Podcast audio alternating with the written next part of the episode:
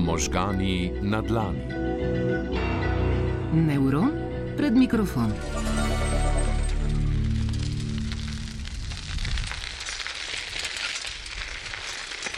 Profesor dr. Vojko Strojnik, kolo in kolesarjenje je to pomemben del vašega življenja, oziroma se usedete kdaj na kolo? Ja, predvsej redno, zato ker sam kolesarjem.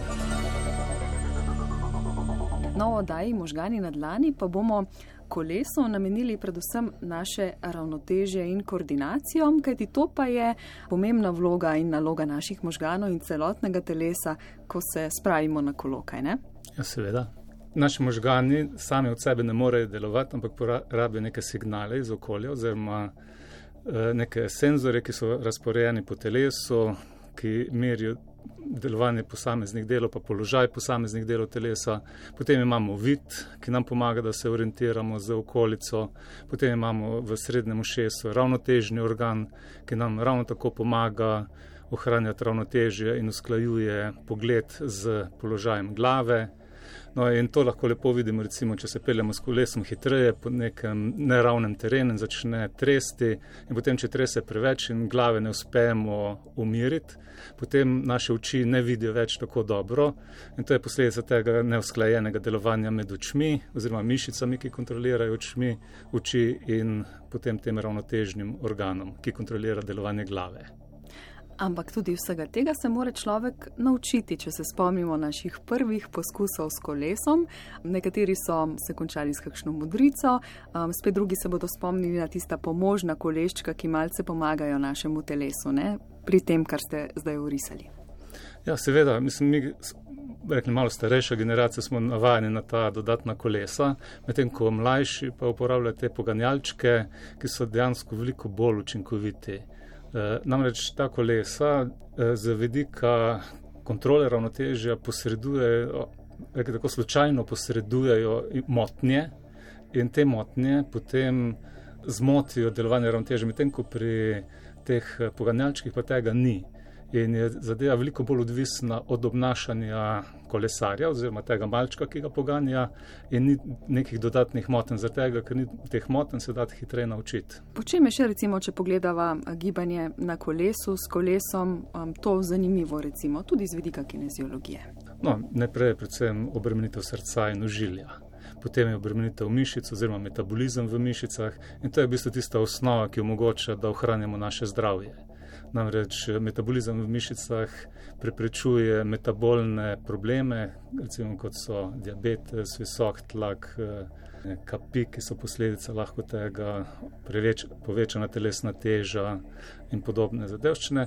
Po drugi strani pa ta metabolizem poganja naše srce in ga ohranja v kondiciji in zaradi tega lahko rečemo, da je gibanje tisto osnovno, ki nam omogoča zdravje.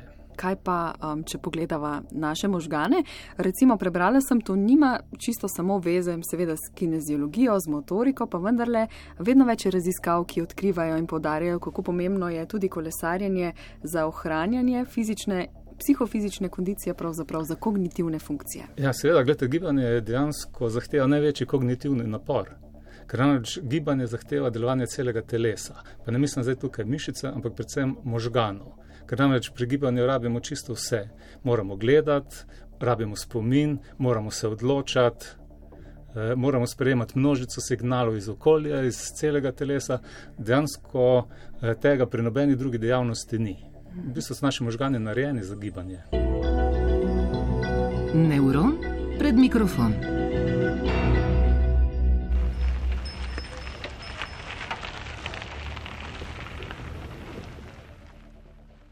Na kolesu pa, kot ste rekli, deluje pravzaprav celotno telo, roke in pa seveda noge, ki poganjajo. Ja, in možgani. In možgani. Seveda, ker možgani morajo vse to uskladiti, pa ne samo to, da poganjamo kolo, ampak moramo hraniti hkrati ravnoteže, moramo se izogibati okolici oziroma moramo peljati tam, kjer smo se namenili. Tako da zahteva čisto vse, od kognitivnih do teh energijskih procesov. In pa seveda oblike kolesarjenja so različne, od teh čisto rekreativnih, ko se zjutraj odpravimo v službo ali pa k drugim obveznostim naproti, do profesionalnih kolesarjev, ko pa je seveda spet um, drugačna obremenitev ne, telesa. Absolutno smislo, ja. Ampak v relativnem smislu razlike v resnici niso velike, ker nam vsi lahko kolesarimo na nekem procentu naše sposobnosti. Tako vrhunski kolesari, kot rekreativci, kot tisti, ki se, se peljejo v službo. In ravno ta relativna obremenitev je tista, ki potem določa, kakšne spremembe oziroma adaptacije v našem telesu se bodo zgodile. Kaj pa tisti, recimo, ki jih opazujemo, kako spretno, ne vem, kolesarijo na različnih overah, pa recimo na gozdnem terenu in tako naprej, tam pa morajo možgani še toliko bolj verjetno usklajevati vse Ja, skupaj. to je pa zelo tesno povezano potem z tem našim ravnotežnim organom v našem telesu eh, in jasno za možgani, kako znajo njegovo senzoriko oziroma njegove signale interpretirati in potem to sporočiti mišicam, da ustrezno odreagirajo. Se pravi, v bistvu spet deluje celo telo. In zdaj tisti, ki imajo motnje kjerkoli v, v enem od teh elementov, pravi, ali v mišicah, ali v senzoriki, ali v tem motoričnem programu, eh, pač tega ne bodo mogli izvesti, pa bodo imeli velike težave pri tem. Profesor Strojnik, kaj pa je to negativno kolesarjenje? No, to je kolesarjenje, kjer se pedala vrtijo v nasprotni smeri, vendar jih ne vrtimo mi, ampak elektromotor, kar pomeni, da se mi upiramo eh, pedalom in na ta način izvajamo tako imenovane ekscentrične kontrakcije. Se pravi, pri normalnem delu, pri normalnem kolesarjenju se mišice krajšajo, zato da lahko kolesarimo, pri tem negativnem kolesarjenju se pa mišice daljšajo med obračanjem pedal. No, zaradi tega je mehanska obremenitev bistveno večja. Recimo tudi nekdo, ki sploh ni treniran, lahko približno doseže toliko kot recimo ti najboljši asi eh, na Tour de France.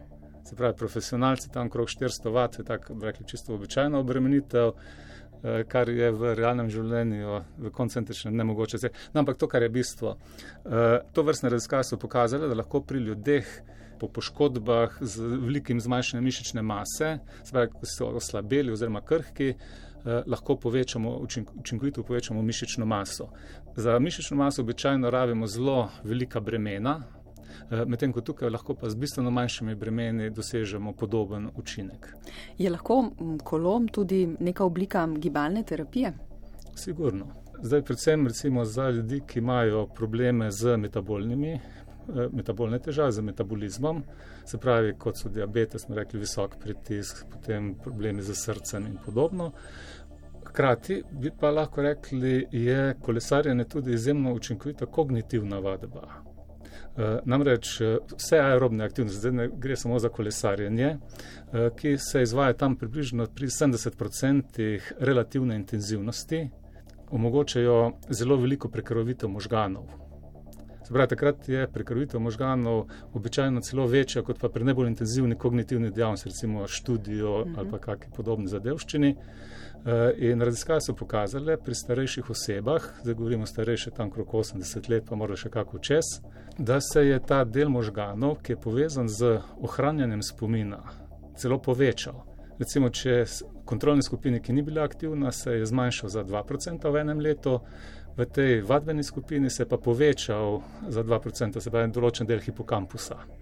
Tako da lahko rečemo, da je vadba dejansko zelo učinkovita kognitivna vadba. Se pravi, motorična vadba, gibalna vadba, zelo učinkovita kognitivna vadba. In torej, um, če tako vpliva na naš hipokampus, vpliva tudi na našo kognitivno rezervo, ki pa še kako pride prav v starosti. Seveda, ker hipokampus je povezan z spominom in z kognitivnim upadom. In vse raziskave kažejo zelo jasno, da ni bolj učinkovitega sredstva za upočasnitev kognitivnega upada, kot pa je gibanje.